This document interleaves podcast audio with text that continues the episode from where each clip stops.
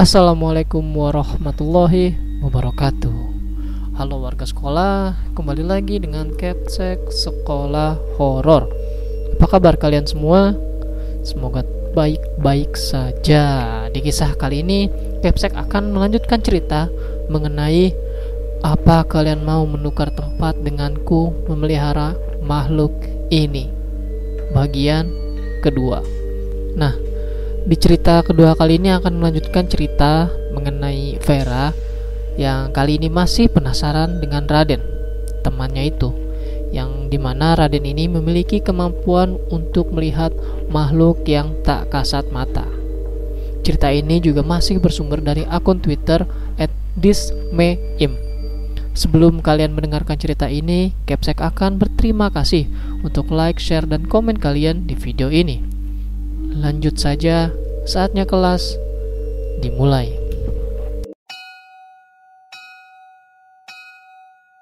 Sampai di rumah, nyokap udah gak enak banget mukanya. Dari mana aja kamu, Fir? Gue di situ nggak nyaut. Yang ingin gue lakukan hanya mandi dan langsung tidur. Gue males mengingat peristiwa yang barusan gue alami. Tangan pucat yang melambai itu loh Sampai di sekolahan, gue menghambur ke kelas. Namun kala ingin melewati lorong menuju kelas, dari ujung lorong gue berasa ada yang aneh. Gue hentikan lari gue dan memandang dari kejauhan. Ada sosok aneh di ujung lorong. Meski matahari bersinar cerah, tapi sosok itu terlihat dengan samar. Wajahnya seperti siluet, tangannya bergerak pelan ke arah atas, menekuk dan melambai ke gua. Jujur, walau merinding, gua deketi dia perlahan. Dan lagian lorong itu cuma satu-satunya jalan menuju ke kelas gua. Dekat, semakin dekat. Beberapa langkah lagi, semoga gua bisa melihat wajahnya. Dan kamu ngapain? Udah telat jalan pelan-pelan, takut dihukum. Sana, masuk kelas ujar guru BP Pak Agus yang sumpah mengejutkan gua. Auto pandangan gua ke dia.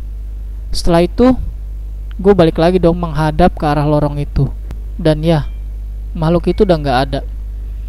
Gue pandangin lagi Pak Agus. Kayaknya ketakutan gue mulai terbaca sama dia. Muka kamu beda. Kalau kamu melihat sesuatu, abaikan saja. Tetap doa, minta perlindungan Tuhan. Kata Pak Agus ke gua.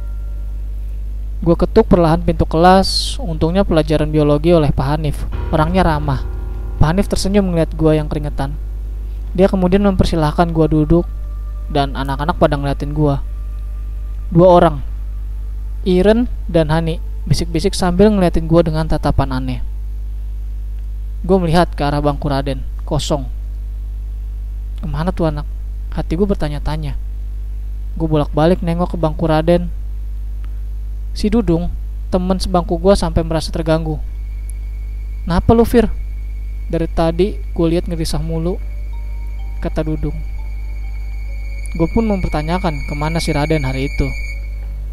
Namun dia nggak paham entah ke mana itu anak.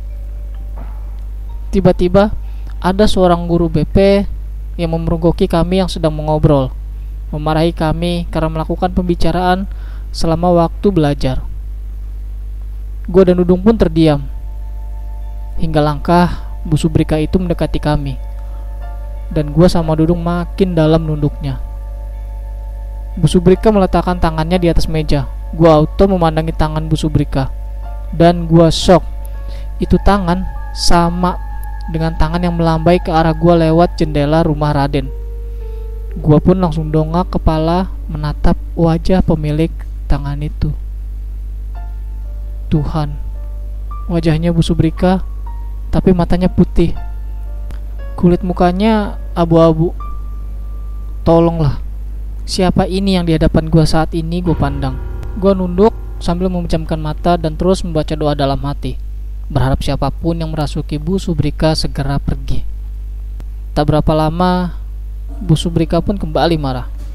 Fira, ibu lagi bicara sama kamu. Kenapa malah merem komat kamit? Emang ibu setan? Gemuruh tawa sisi kelas terdengar. Gue dongak kepala lagi dong dan buka mata dan itu beneran Bu Subrika. E, maaf bu, kata gue. Dudung udah sikut-sikutan sama gue. Kalian berdua nanti ke ruang ibu ya, kata Bu Sup agak kesal. Anjir, Dudung pun tepok jidat. Gue pun kembali menanya perihal Raden kepada Dudung. Namun menurutnya, Dudung tidak masuk sekolah bahkan tanpa ada keterangan. Hingga akhirnya, gue mengajak Dudung untuk ke rumah Raden. Di situ Dudung cuma bingung. Untung Dudung bawa motor. Gue juga pesan sama Dudung agar nganterin gue sampai rumah kalau urusan ke Raden sudah selesai. Dudung pun sepakat. Selama perjalanan kami ngobrol di atas motor. Gue selama sekolah di sini, selama kenal Raden belum pernah ke rumahnya. Sedangkan lu malah duluan, kata Dudung. Jujur aja Dung, awalnya gue penasaran. Kenapa dia suka teriak-teriak sendiri? Gue denger, katanya Raden itu bisa ngeliat setan. Dan ya gue tanya langsung. Jawab gue ke Dudung. Lu ngapain nanya begituan?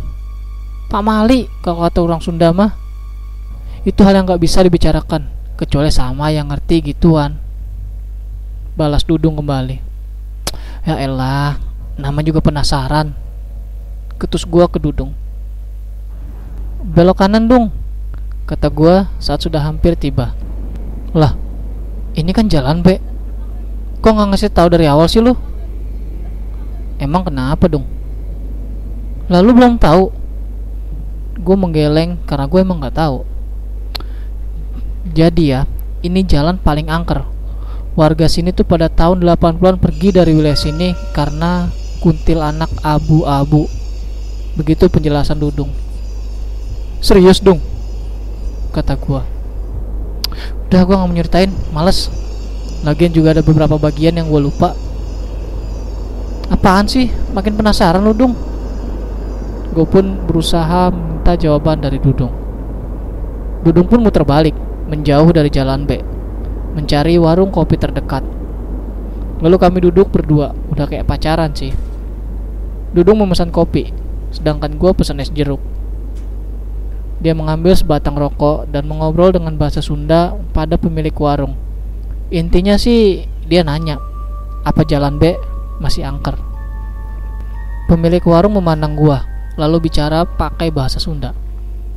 Dudung pun menerjemahkan yang bikin gue merinding. Katanya, udah nggak ada lagi orang-orang di sana. Lu lihat setan kali. Setahu si pemilik warung itu, perumahan di Jalan B itu udah lama kosong. Dijual pemiliknya, belum pada laku-laku. Tapi nggak tahu juga kalau sekarang ada yang nempatin. Terakhir dia jalan-jalan ke area sana udah kosong banget. Murah-murah rumahnya tapi ya itu, banyak hantunya. Kuntil anak abu-abu. Kata Dudung menerjemahkan. Gue menatap pemilik warung dengan pandangan bingung. Kuntil abu-abu itu apa?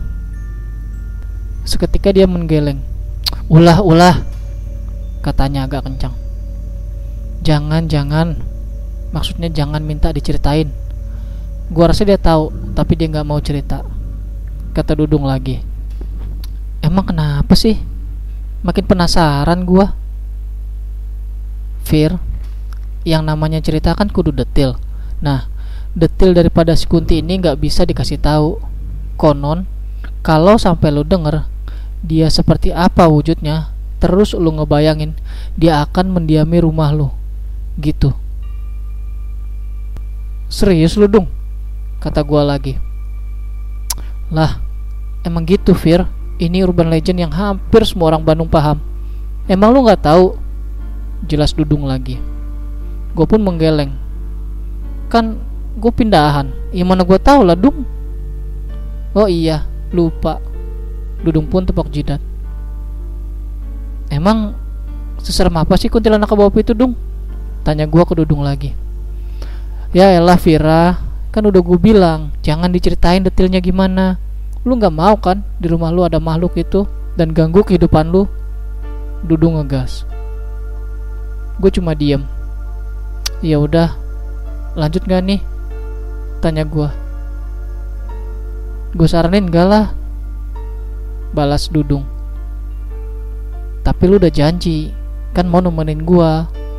Pinta gua lagi ke Dudung. Iya, itu kan cuma saran. Kalau lu mau lanjut, ayo gue temenin sampai kelar. Dudung segera menghabiskan kopinya, mumpung hari masih sekitar asar. Kami pun segera ke jalan B. Kami sudah masuk ke area jalan B, meski belum arah ke rumah Raden. Dudung menambahkan, sebenarnya jalan ini dulu ramai. Jalan tembus menghindari kemacetan di beberapa titik di kota Bandung. Namun seiring dengan perluasan area, jadilah jalan B mulai ditinggalkan dan akhirnya muncul urban legend soal kuntilanak abu-abu itu.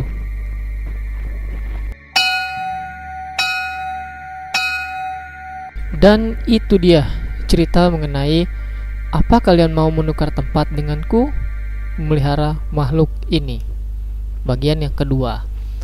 Kira-kira apa ya yang membuat Raden, teman Vera tersebut untuk tidak datang ke sekolah? Lalu, apa sebenarnya kisah yang pernah terjadi di lingkungan tempat tinggal Raden tersebut? Ya, jawabannya akan terjawab di video selanjutnya. Dan terima kasih buat kalian warga sekolah yang telah mendengarkan cerita ini dan tentunya terima kasih juga kepada akun Twitter @dismeim yang telah memberikan kami izin untuk membacakan cerita ini. Jangan lupa like dan share video ini agar warga sekolah horor semakin bertambah. Dan sampai jumpa di kelas berikutnya. Assalamualaikum warahmatullahi wabarakatuh.